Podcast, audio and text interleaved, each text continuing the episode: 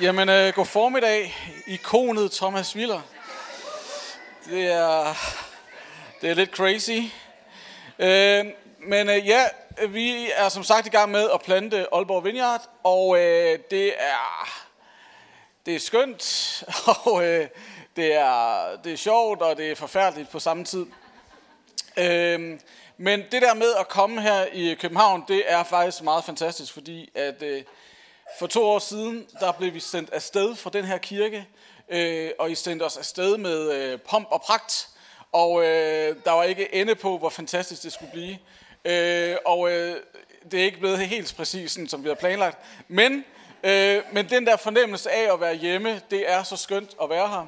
Så selvom du er her for første gang, eller måske ikke har været her, i, måske er du kommet til i løbet af det sidste år, at det, det her det er som at komme hjem til moderskibet. Øh, det er ligesom nu, det er her, det hele ligesom startede. Så øh, vi er bare super taknemmelige, fordi at øh, I er her, øh, og fordi at jeg ved i hvert fald, at nogle af jer er bedre for os, og det er bare skønt. Øh, og øh, det der med at flytte til Aalborg, hvor mange af jer øh, har været i Aalborg for nylig? Ja, okay. Jamen, det er super. Og, øh, og det er jo sådan, at Gud jo ofte kalder i det stille. Øh, så det kan jo være, at nogle af jer vil bliver kaldt til Aalborg, mens jeg står og taler, og det er helt okay. Øh, vi, øh, vi tager imod jer med åbne arme.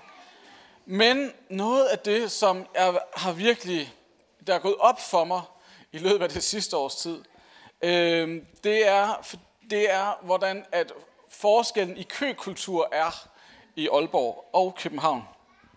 Og øh, jeg har boet 20 år i København, og øh, når man står i Netto, og, øh, og der så åbner sig en ny kasse, så er kulturen i København, at dem, der står foran en i køen, de får ligesom chancen først for at gå over til den næste kasse, og så kan man ligesom sådan vælge, hvad for en af de der kasser. Men man, man er ligesom høflig, eller de nettoer i Vandløs, jeg kom i, øh, så var det ligesom der, at man, så ventede man ligesom til de havde valgt en kasse, og så kunne man selv vælge. Og øh, sådan troede jeg virkelig også, det var i Aalborg.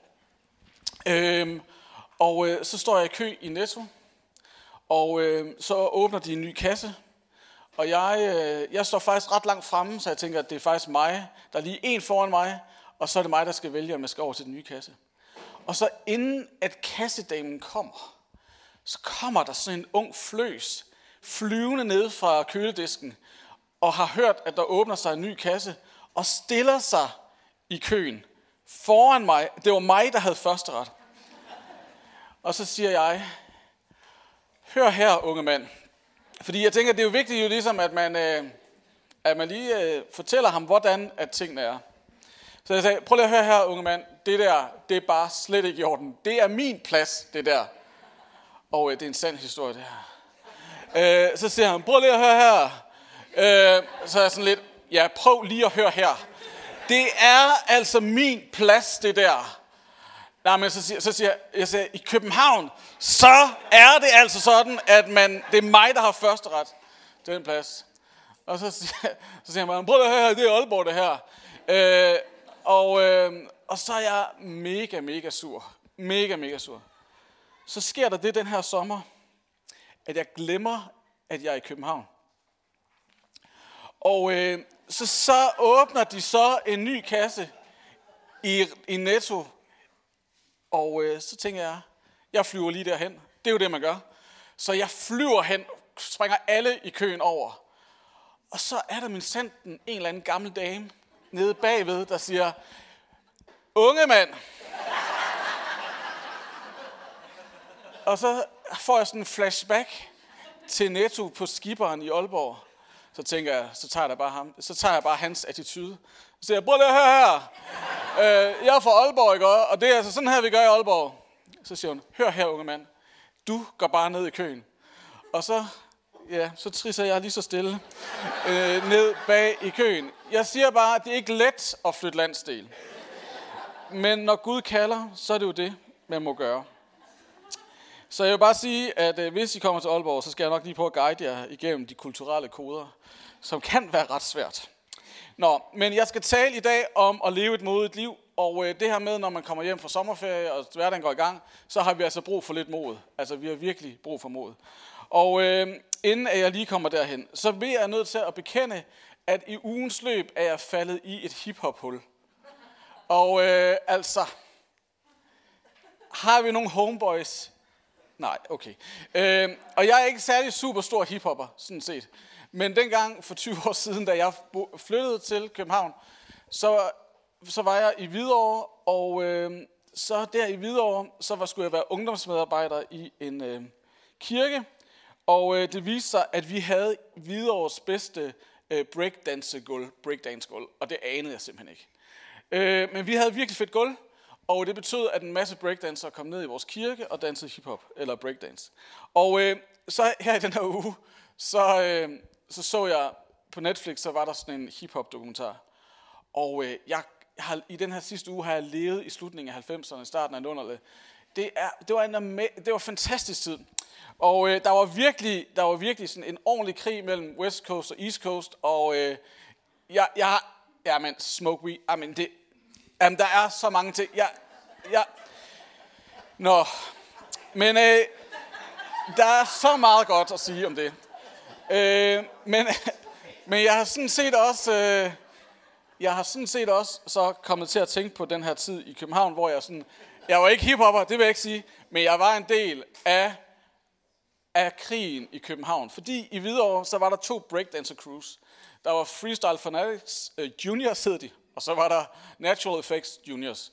Det var sådan to juniors øh, breakdancer crew, der var i Hvidovre, og de var i krig mod hinanden.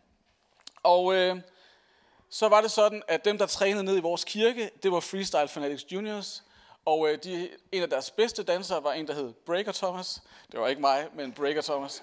Uh, og Breaker Thomas, han var måske hvis du hører med, så jeg skal nok lade være med at udlevere dig alt for meget. Men Break, Breaker Thomas, han var sådan ret provokerende over for det andet breakdancer crew. Og så var der så en aften, hvor at, øh, der var dance battle nede på, øh, ja, nede på det lokale forsamlingshus, kan man godt kalde det. Og øh, jeg skulle derned, fordi jeg var ligesom præsten for Freestyle Fanatics. Øh, og øh, der var total gang i hytten der. Og øh, Freestyle Fanatics vandt, og øh, alle var glade, og vi var whoop, whoop. Og øh, så går jeg hjem og skal sove. Det skal man jo. Øh, men så blev de andre dansere dernede. Og Inger og jeg, vi boede i, i kirken, øh, og så klokken to om natten, så bliver der banket vildt hårdt på døren nede på kirken. Og jeg vågner op og går ned og, og lukker op. Og så viser det sig, at øh, Breaker Thomas de siger bare, Breaker Thomas har fået bank. Breaker Thomas har fået bank. Han er blevet smadret med nogle bøjler. Okay, altså var sådan lidt, slap dog af. Bøjler, jeg skal sove. Men de siger, du skal virkelig komme. Nå, så går vi ned på Hvidovrevej, og der, det er rigtigt, der ligger Breaker Thomas, og han er virkelig, virkelig smadret.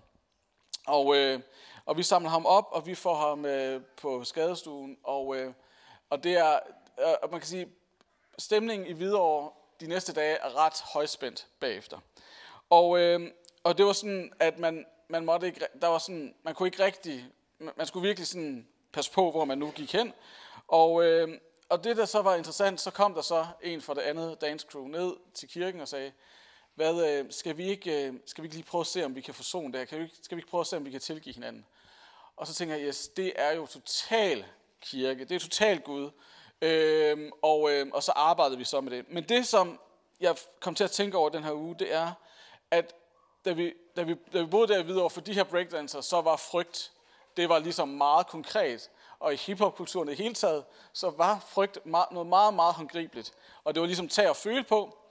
Og så faldt jeg over det her lille citat fra en dansk filosof, øh, som siger, at frygt har udviklet sig de sidste 20 år i vores kultur og vores samfund, fra at det var noget meget, meget konkret, så det har vi udviklet en kultur i vores vestlige verden, hvor at frygt er gået fra at være noget meget konkret, hvor man skulle være bange for de andre hiphopper fra, de, fra det andet dansecrew, til noget, der på en eller anden måde er blevet noget indre, og øh, det præger os alle sammen. Så vi kan slet ikke, det er svært for os at forholde os til, at man skulle være bange for at gå ned videre vej for at få tæsk. Men vi kan alle sammen på en eller anden måde godt forholde os til, at det der med frygt, det er på en eller anden måde blevet en del af vores dagligdag. Og han siger sådan her, Frygten for at blive en fiasko i det her samfund er gigantisk. Man føler sig ikke som noget værd, hvis man ikke får fuld anerkendelse. Der er forskel på optimisme og håb. Optimismen er det glade budskab, men håbet stikker dybere. Det har folk svært ved at føle i dag, fordi de lever et samfund, der kører på overfladen. Så når vi taler om at leve et modigt liv i dag, så øh, er det faktisk svært at leve modigt, fordi at der på en eller anden måde i vores kultur er en frygt øh, for at blive en fiasko. Der er en frygt for ikke at stå til. Der er en frygt for, at øh, de andre griner os, eller vi ikke får anerkendelse. Så det der med, at vi gerne vil leve et modigt liv, det er faktisk ret besværligt, og det er faktisk ret udfordrende for os. Og en del af det at være en efterfølger af Jesus, en del af det at tro på Gud, handler faktisk om at leve et modigt liv, fordi at Gud han kalder os til at hvad skal man sige, være med til at forandre den verden, vi er en del af. Det at følge efter Jesus handler ikke bare om, at vi har en god kirke, og der er nogle lækre mennesker, og folk er glade, og vi klapper hinanden på ryggen, når vi kommer her om søndagen. Men det at leve i den kristne historie handler faktisk om at være med til at forandre og forvandle den her verden. Og det kræver vildt meget mod at skulle tale op imod nogle samfundsstrukturer, tale op imod uretfærdighed. Så vi har brug for mod. Men vi lever i en verden, i hvert fald ifølge øh, den her danske filosof, at det er faktisk ret svært for os at leve modet, fordi der på en eller anden måde er en frygt, der sådan på en eller anden måde har taget grebet i de fleste af os. Og jeg ved godt, at nu sidder I her sikkert, det, det gælder ikke for mig, jeg, det, det er slet ikke, det er nogle andre, om så taler jeg til din nabo. Øh, men, men det, som der i grunden er præmissen, og som de fleste er enige om, det er, at vi kan godt genkende frygten for ikke at slå til. Vi kan godt genkende frygten for at blive en fiasko. Vi kan godt genkende frygten for ikke at blive anerkendt. Og det gør det faktisk lidt udfordrende at leve modet, fordi at, øh, at vi faktisk vi længes efter at blive en succes, men der er alt mulig frygt. Og øh, for 20 år siden, så var der en fyr, der hed Edwin Friedman, øh, som skrev den her bog, A Failure of Nerve, og øh, det er, jeg læser den cirka hver andet år, fordi det er nærmest en profetisk bog, der beskriver vores kultur. Og det, som han siger i den her bog, det er, at, at vores vestlige kultur er blevet sådan en frygtens kultur, og det, som det gør ved os, det er, at vi aldrig tør tage et nyt skridt. Han øh, beskriver, hvad skal man sige, frygtens zone som det her, som at vi lever i det, der er trygt, det, der er genkendeligt, at vi skal helst kende reglerne, og vi holder os inden for spillepladen, og det betyder, at der ikke sker nogen udvikling, der ikke sker nogen innovation, og der ikke sker nogen nye gennembrud. Det er sådan en ret trist samfundsanalyse, kan man sige. Øhm, men jeg tror, de fleste af os, vi kan godt genkende, at vi kan godt genkende det der med tanken om, hvad nu hvis det går galt? Hvad nu hvis det her det ikke lykkes? Hvad nu hvis? Hvad nu hvis? Og tænke alle de der skrækscenarier igennem. Og, øh, og det som det dybest set, hvad skal man sige, medfører, det er handlingslammelse. At vi faktisk har svært ved at træde ud i noget nyt, og vi tænker, vi holder det lige safe. Og, øh, og jeg kender det fuldstændig på min egen krop. Det der med at skulle flytte til Aalborg, og øh, det der var mange, der kom sådan og klappede mig på ryggen og sagde, at det er virkelig flot, I tør flytte fra København. Øh, det er virkelig flot, I tør øh, sådan midt, næsten midt, jeg vil sige næsten midt i livet, øh, tør at tage så stort et skridt og flytte hele familien derop. Og, øh, og, og det, var, det var rigtig, rigtig sødt af folk at, at sige det. Men faktisk for mig, så var det ikke det, der var, sådan, var den største frygt. Det var ikke det der med at skulle flytte, men det var faktisk det der med, hvad nu, hvis det ikke bliver til noget. At det var faktisk først, da vi stod i Aalborg, jeg tænkte, Ej, det, shit mand, øh, hvad nu, hvis det her, det ikke lykkes? Hvad nu? Og, øh, og jeg havde den der fornemmelse af, åh, oh, oh, hvad er det, der er sket? Nu har vi taget det her skridt, men hvad nu, hvis det ikke lykkes? Og øh, så kan jeg huske, at jeg snakkede med en ven, og jeg sagde, jeg sagde til ham, det kunne godt være, at jeg skulle have tænkt det her igennem inden, øh, fordi at lige nu, så er jeg nærmest handlingslammet. Hvad nu, hvis de ting, vi sætter i søen, ikke lykkes? Og, øh, og det der med at skulle i gang med noget nyt, og det der med at tænke, man ved godt, der er noget, man skal. Man kan godt mærke det sådan inden i sig, at der er noget her, jeg skal, men jeg er faktisk bange for, fordi hvad nu, hvis det går galt? Og øh, så kan jeg huske, øh, hvor mange af jer har læst øh, Nelson Mandelas Den rigtig lang rejse? Øh, det er virkelig en lang bog, og den er virkelig lang. Øh, ej, var den lang, og det tager virkelig lang så lidt. Men den læste jeg, da jeg kom derop. Og, øh, og han siger, Nelson Mandela, han siger noget fantastisk i den bog. Han siger, jeg lærte, at mod ikke var fravær af frygt, men sejren over den. Den modige mand er ikke ham, der ikke føler sig bange, men ham, der besejrer denne frygt. Og jeg tænkte, det giver super god mening. At det at være modig, det at ture og tage et nyt skridt, det at gå efter det, man drømmer om, det handler ikke om, at man ikke skal føle frygten, men det handler faktisk om, hvordan kan man leve med frygten, og samtidig så tage et nyt skridt. Og tænk engang, hvis vi alle sammen kunne sige til hinanden, okay, det kan godt være, der er noget, jeg er bange for, men jeg vælger alligevel at tage et skridt frem, fordi der er noget, der er større, der er noget, der er bedre, der er noget, der er noget vi skal sammen. Og selvom frygten er her, øh, så, øh, så, så tager vi faktisk et skridt alligevel, selvom frygten er med. Så det der er det store spørgsmål det, til os, det er jo, er frygten med til at styre os, eller er det bare sådan en medpassager? Er frygten det, der skal være med til at ligesom sætte dagsordenen? Eller kan vi ligesom sige til den frygt, der jo... Vi lever i en kultur, hvor frygten er der. Men spørgsmålet er, om det skal være det, der på en eller anden måde styrer os, eller skal frygten bare være en medpassager? Og øh, jeg lærte noget engang af en, øh, som øh, sagde, hun sagde, jamen øh, når frygten dukker op, så forestiller jeg mig, at vi er ude og køre i bil. Og øh, så når frygten kommer, så siger jeg, hej frygt. Øh, du er en del af bilen her, men du får lov til at sidde på passagersædet. Og jeg ved ikke, hvad det er, du frygter, om det er mangel på anerkendelse, om det er, at det skal gå galt, eller hvad det nu skal være. Men tænk engang, hvis vi kunne leve med frygt, ikke som en styrende mekanisme, men som en medpassager, vil siger, okay, jeg ved, jeg er bange, men jeg vælger alligevel at træde et skridt fremad. Og der er faktisk en helt fantastisk historie i Bibelen, som handler om, hvordan vi besejrer frygten, eller hvordan vi lever med frygten, men alligevel tør tage et skridt fremad. Og øh, det er fra Matteus evangeliet kapitel 14 og vers 26. Og det er en meget kendt historie om øh, disciplene, der er på søen, og Jesus han kommer gående. Og det lyder sådan her. Da disciplene så ham gå på søen, blev de skrækslagende og sagde, det er et spøgelse, og de skreg af frygt. Og straks talte Jesus til dem og sagde, vær frimodig, det er mig, frygt ikke. Men Peter sagde til ham, herre, er det dig, så befal mig at komme ud til dig på vandet. Han sagde, kom. Peter trådte ud af båden og gik på vandet hen til Jesus. Men da han så den stærke storm, blev han bange, og han begyndte at synke og råbte, Herre, frels mig. Straks rakte Jesus hånden ud, greb fat i ham og sagde, du lidetroende, hvorfor tvivlede du? Da de kom op i båden, lagde vinden sig. Og øh, det første, vi kan læse, det her det er jo en sindssyg historie. Hvis du ikke er kristen, hvis du ikke er troende, så er den her jo helt, altså, det er helt vanvittigt, det der sker her. Men lad os, lad os, øh, lad os antage, at, eller ikke lad os antage, vi tror, som kristne tror vi, at det her det er faktisk sket. Øh, og det kan godt være, at du ikke helt kan få, få dit hoved omkring det, øh, men lad bare det ligge, og så lyt efter, hvad jeg siger nu.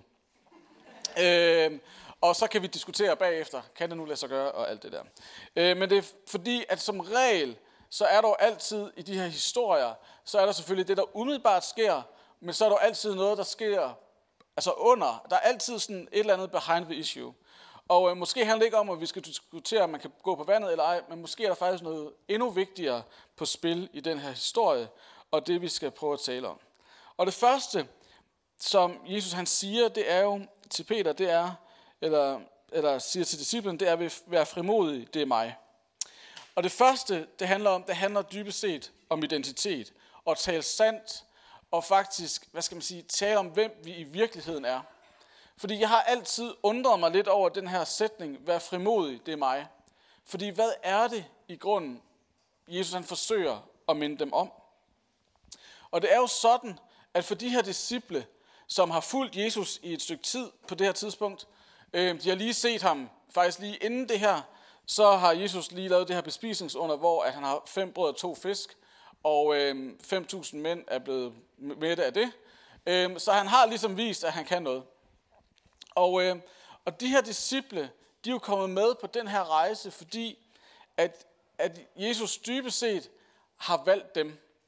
at øh, vi kan, altså, det, der ligger i den her sætning, er, handler virkelig meget om, hvad er det, der skete tidligere i historien.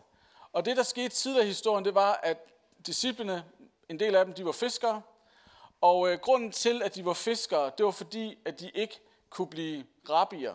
De kunne ikke blive lærere i skriften, som var det højeste, som alle jødiske mænd ønskede på det tidspunkt. At de var dybest set, de havde dybest set dumpet skolen.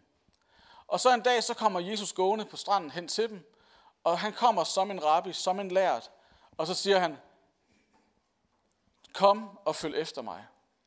Og det, som han dybest set siger til dem, det er, det kan godt være, at de andre rabbier ikke har fundet jer gode nok til at blive lærer i skriften, men nu finder jeg jer gode nok. Kom og følg mig. Kom og bliv en af mine disciple. Du skal følge efter mig. Så det, som Jesus han dybest set siger til dem, det er, husk nu, det er mig, der er her, og jeg har fundet jer værdige. Jeg har fundet jer gode nok. Det kan godt være, at I er herude på søen og er vildt bange, men jeg er her, og jeg har fundet jer værdige. Jeg har givet jer anerkendelse. Jeg synes, at I har alt det, der skal til. Slap nu af. Og det er dybest set det, som Jesus også kommer til os, når vi står i det der frygtens øjeblik, hvor vi ved og kan mærke i vores indre og i vores krop, at der er et nyt skridt, jeg skal tage, og vi er super bange for at gøre det. At så kommer Jesus og siger og minder os om, hey, det er mig, der står foran dig. Jeg minder dig lige om, hvem du er. Du er elsket, du er værdig, du har alt det, der skal til. Tag nu lige og ro på. Jeg er lige her foran dig. Og det tror jeg rigtig tit, vi glemmer, når vi står i de øjeblikke, hvor vi skal i gang med noget nyt. Hvor vi skal ud på et nyt eventyr, hvor Gud kalder os til et nyt projekt, eller hvad det nu kan være. Altså så kan vi hurtigt blive grebet af, jeg har nok ikke det, der skal til. Jeg kan ikke noget, og det mislykkes garanteret også. Det første, som Jesus han siger til os, det er, hey, jeg står lige foran dig. Det er mig. Jeg har fundet dig værdig. Jeg har fundet dig god nok. Jeg har alt det, der skal til. Nej, jeg har ikke alt det. Du har alt det, der skal til. Bum. Og det er helt vildt vigtigt, at det starter der, at du har allerede alt det, der skal til. Der er en grund til, at du har en passion, du har en længsel, du har en drøm, fordi at Jesus han står foran dig og siger, lige meget hvordan det nu går, når du kaster dig ud i det her eventyr, så er du værdig, så er du god nok, så har du, vundet, så har du fundet min fulde anerkendelse. Og øh, jeg ved godt, at nu er det varmt, og nu har jeg snakket i lang tid. Men det er helt vildt vigtigt, at hvis du drømmer, hvis du har nogle drømme, og det har I alle sammen, hvis du har nogle længsler, hvis du har noget, der ligger foran dig, som du ved, det er grund det her, jeg skal, det er det her, Gud kalder mig til. At du så faktisk tænker, yes, jeg, jeg er bange, jeg er usikker på det. At det første, du husker på, det er, at Jesus han siger, hey, det er mig, der kalder dig. Det er mig, der står foran dig, og du har alt det, der skal til. Så du kan godt tage det første skridt. Så det første, Jesus det, han siger, det er, det er mig, frygt ikke. Og øh, det næste, som Jesus jo så siger til disciplen, det er, kom. Og det er spørgsmålet til os, lige at connecte igen med, hvad er det nu, Jesus kalder os til? At Jesus han har givet dig et kald, en opgave, et eller andet, som du skal. Man kan sige, at det, som han har givet os alle sammen, det er jo kaldet til at være en forandring. Det er at være sendt til den her verden, og være med til at genoprette og bringe fred og håb og glæde alle steder. Og øh, det sker hele tiden, at lige meget, og det er jo vildt vigtigt, at lige meget, hvordan din verden nu ser ud, så alle de steder, du kommer hen, om det er på din skole, på dit studie, på dit arbejde, blandt dine naboer, så er du sendt. Og det handler faktisk om, at du er allerede i gang. Jesus han har allerede sendt dig til den her verden, til at være med til at genoprette og bringe håb. Og, øh, og det betyder også, at vi på en eller anden måde skal være opmærksom på, hvad det er, Gud han siger hele tiden. At Gud han, han ønsker, at du skal bringe genoprettelse der, hvor du er. Og, øh, og for mig, det er noget af det, jeg øver mig i, og prøver at finde ud af. Jeg er sendt til Aalborg, men det er jo ikke kun, når vi har gudstjeneste eller netværksgruppe, men det er jo hele tiden, hvor end jeg nu bevæger mig i byen, skal jeg være opmærksom på, hvor er det nu Gud, hvad er det nu Gud vil med mig her, hvor jeg dukker op. Og her for to uger siden, så var jeg på Eholm. Er der nogen af jer, der har været på Eholm? Yes, det er der. Det er en meget lille ø lige uden for Aalborg. Det tager cirka 3 minutter med færgen, så er man der. Øhm, og de har to færger. Øhm, og der skulle jeg over sammen med Elinor og Selma, mine to døtre, og vi skulle over være rigtig survivor-agtige. Og øhm, vi var ude at fange krabber, og øh, så var der øh, sådan nogle shelters, vi skulle sove i, og øh, det skulle være rigtig, det, det er rigtig farligt. Øh, det har jeg i hvert fald forsøgt at fortælle dem, at det her, hvis vi overlever det her, så det er helt vildt, hvis vi overlever det her. Øh, fordi at øh, der kan komme sørøvere, og der er alt muligt, så vi skal virkelig være klar. Så vi havde lommelygter, vi havde svær, der var, der var ikke, der, vi var klar. Øh, men så over i den anden shelter, så er der så sådan tre damer, der ligger så derovre. Øh, og øh, de er fra Vejle, og øh, det er deres 25. gang i shelter. Øh, de har lavet sådan en lille klub, hvor at en gang om måneden, så ligger de så ud i shelter. Og de har nu 25 måneder i træk været ude på sheltertur. Og så de var totale, øh, altså der var ikke nogen rookies der. De var top professionelle shelter-sovere. Øh, og øh, det var, de var, ja, så, så der, var, der, var, der var liv og glæde dage. Og øh, så, øh, så kunne jeg bare mærke, at der var en af dem her, øh, de her damer, som Gud på en eller anden måde sagde, der er noget her, det er ikke tilfældigt, at de lige er her, jeg har noget, øh, som, jeg har, jeg har noget til, til en af dem. Og der var en af dem, øh, som, som kunne sige, det er hende der, som, øh, som jeg, jeg vil give dig et ord, mens I er her på det her sted, som du skal give til hende. Og, øh, og så tænker jeg, at ja, men de skal også sove her, så det kan vi gøre i morgen. Og, øh, og så sov jeg, og så tænker jeg, det kan jo være, det er gået væk i morgen. Øh, så er det jo ikke sikkert, at jeg skal gå hen til hende, øh, og på den måde øh, blamere mig. Og øh, så, øh, så bliver det næste morgen, og øh, jeg tænkte bare, ej, jeg orker, altså, det første jeg tænkte, da jeg stod op, det var, okay, ja, at Gud han havde på en eller anden måde visket noget til mig i min ånd, at der var noget her, jeg skulle give til hende her. Øhm, og jeg tænkte bare, det er bare, ej, men jeg ved jo godt, jeg ikke ser dem igen, men det var bare, ej, jeg gad ikke. Øh, og så gik jeg op på toilettet, fordi der kan man jo være alene, og, øh, og så sagde Gud, når du træder ud af det her toilet, så står hun og venter. Øh, så prøvede jeg at gøre, være på toilettet og være meget stille, sådan så. Alt. Og så, da jeg træder ud af toilettet, så står hun der. Og øh, så siger jeg så til hende, jeg ved godt, det her, det er helt vildt mærkeligt. Men siden jeg så dig i går, øh, så har Gud visket noget til mig. Og det kan godt være, at du slet ikke tror på det her. Men, øh, men der er faktisk noget, som du bærer på, som, øh, som Gud gerne vil gå ind og, og genoprette og hele. Øh, og øh, så kunne jeg se, at tårne sådan begyndte at træde frem i hendes øjne, og hun sagde, du har fuldstændig ret i det, du siger. Øh, der er noget, som, som jeg har brug for at blive helet. Og, øh, og så fik jeg lov til øh, at bede for hende, og øh, jeg ved jo ikke, om jeg nogensinde ser hende igen, men, men Gud, han gjorde noget lige der. Og, øh, og jeg fortæller dybest set den her historie bare fordi, at, at vi er sendte. Der er nogle gange tidspunkter, hvor vi skal tage et modigt skridt og træde ud i det, som er en lille smule usikkert, som er en lille smule uholdbart, og vi ved slet ikke, om det holder. Og det, som der dybest set er inde i os, det er jo frygten for afvisning, frygten for, at hun ikke anerkender mig, eller frygten for, at hun bare synes, jeg er latterlig. Og den der frygt, selvom det jo på en eller anden måde er en ubetydelig frygt, så kan den fylde helt vildt meget. Og jeg var, jeg synes aldrig, det er sjovt, når Gud på en eller anden måde visker noget til mig, jeg skal gøre. Fordi jeg, jeg vil dybest set gerne have, at alle skal synes, jeg er en champ. Men hvad nu, hvis jeg går hen og siger noget, der er helt fuldstændig ude i skoven, og hun bare kiggede mærkeligt på mig? Ja, hvad så? Så vil jeg lige have det dårligt der. Men der er jo ikke nogen, der dør. Og det er jo heller ikke sådan, at jeg dør og falder død om, fordi jeg nu har hørt noget forkert fra Gud. Men, men det kan vi næsten godt have det sådan.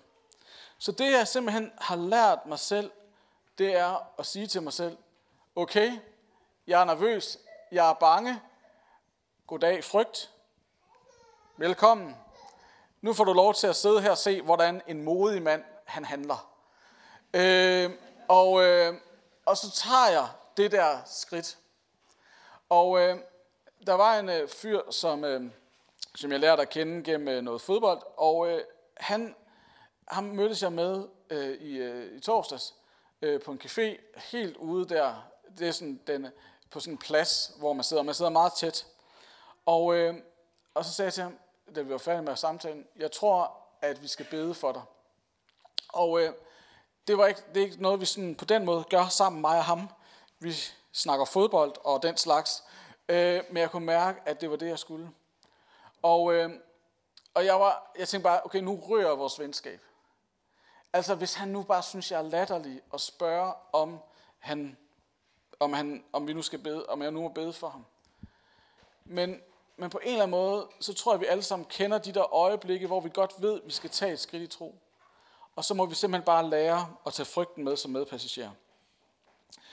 Og det handler, ikke om, det handler nu ikke om, hvad vi tror om os selv, men hvad Jesus tror om os. Jesus han tror faktisk godt, du kan klare det. Jesus han tror faktisk godt, du kan. Øh, Jesus han kender både din svage og din sårbare side, men han tror stadig på dig. Han ved godt, han kender godt alle dine fejl og mangler. Han kender godt det, som du ikke kan. Men alligevel så tror han på dig. Han ved godt, hvad det er, der går ondt i dit liv. Han ved godt, hvad det er, du har oplevet for mange år siden, der stadigvæk stikker sit hoved frem en gang imellem. Men alligevel, selvom du er såret, selvom der er al mulig frygt, selvom der er ting, du er nervøs for, så tror han faktisk stadigvæk på dig. Og det, som vi kan lære af historien om disciplene, det er jo, at det starter med Peters første skridt ud af båden. Det starter altid med det første skridt. Det er jo ikke sådan, at Gud siger, okay, nu skal du bare tage 10.000 skridt i dag. Men det starter bare med det første skridt. Og jeg ved ikke, hvad det første skridt er for dig. Men det kan være, det er, at du skal sige din drøm højt til nogle andre mennesker. Det kan være, der er noget, du drømmer om, der er noget, du længes efter, som du skal tale, sige højt. Det kan være, at hvis du ikke tror, at det første skridt for dig, det er faktisk at bede en bøn. Det kan være, at du skal bede en bøn til Gud, og for dig så er det det første skridt, som du skal tage.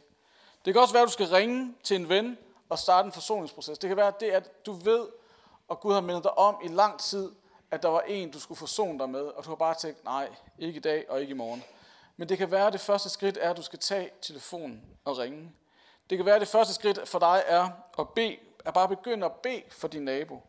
Eller det kan være, at du skal blive frivillig i et socialt projekt, eller det kan være, at du endelig skal blive en del af en netværksgruppe. Det kan være, at det er det, der er det første skridt. Men der er så mange gange, vi ikke tør tage det første skridt, fordi vi kan være bange for alle mulige ting. Men Jesus, han siger, frygt ikke. Jeg står foran dig, og jeg tror på dig. Og jeg ved ikke, hvad det er for nogle ting, I går med. Hvad det er for noget, nogle drømme, I har. Hvad det er for nogle længsler, I har. Men Jesus han siger, jeg står foran dig. Jeg tror på dig. Frygt ikke. Tag det første skridt. Vær modig og hvad kan man sige, enhver rejse starter med det første skridt. Det er ikke sådan, selvom jeg selvfølgelig tror, at nogle af jer er kaldt til Aalborg, men det er ikke sikkert, det er det, der er det første skridt. Men det kan være, at det første skridt er bare, at du siger, Gud, jeg er klar til at lytte. Gud, jeg er klar til at høre fra dig. Og så må vi se, hvad de næste skridt er. Men Gud, han kalder os til at være modige. Han kalder os til at have frygten med som en medpassager, og ikke som den, der styrer bilen. Og øh, jeg tænker bare, prøv at tænke, hvis alle os, der sidder her, i løbet af den næste uge, kan tage et modigt skridt. Starte en lille rejse, hvor vi tør være modige, hvor vi tør at gøre noget af det, vi ellers har været bange for, fordi vi var bange for manglende anerkendelse, vi var mange, bange for, at det ikke blev en succes. Men prøv at tænke, hvis vi alle sammen turde tage et skridt i løbet af den her uge, og så ugen efter det næste skridt, hvordan er jeg sikker på, at det kunne være med til at forandre København, verden, Danmark, everywhere, hvis vi begyndte at leve mere i mod og mindre i frygt. Og, øh, og det, som jeg godt kunne tænke mig, at vi gør sådan til afslutning, som sådan en slags respons på det her, det er, at, øh, at, øh, at lige om lidt, så kan det være, at vi kan, dem af jer, der oplever, at der er noget af det her, der vækker genklang. Jeg har brug for at tage et skridt. Jeg har brug for at være modig igen, fordi jeg ved, der er noget, jeg skal. At øh, vi faktisk tør være modige, og så lige om lidt, så, øh, så, så, kan det, så beder jeg om at rejse jer op, så vi kan bede en bøn for jer, der oplever, yes, der, jeg har brug for mod. Jeg har brug for at træde ud af frygten og ind i det, som Gud han kalder mig til. Øh, så det kan være, at faktisk det første skridt er bare, at du skal prøve at rejse dig op. Øhm, øh, og hvis du tør at rejse dig op, så kan det være, at du også tør at tage det næste skridt, hvad end det så er. Øhm, og, så, øhm, og så kan vi bede for jer, mens I rejser jer op. Og øhm, så bagefter, så, øh, så vil der også være noget, noget mere forbøn derovre. Men, øh, men jeg tænker lige i forhold til det her med at ture og tage et skridt i tro. Skal vi ikke lige være stille et kort øjeblik, og så beder jeg om at rejse jer op, og så beder vi for alle dem af jer, der rejser jer op, om at I må ture den uge, der kommer, og tage et modigt skridt og træde væk fra frygten. Så lad os lige være stille.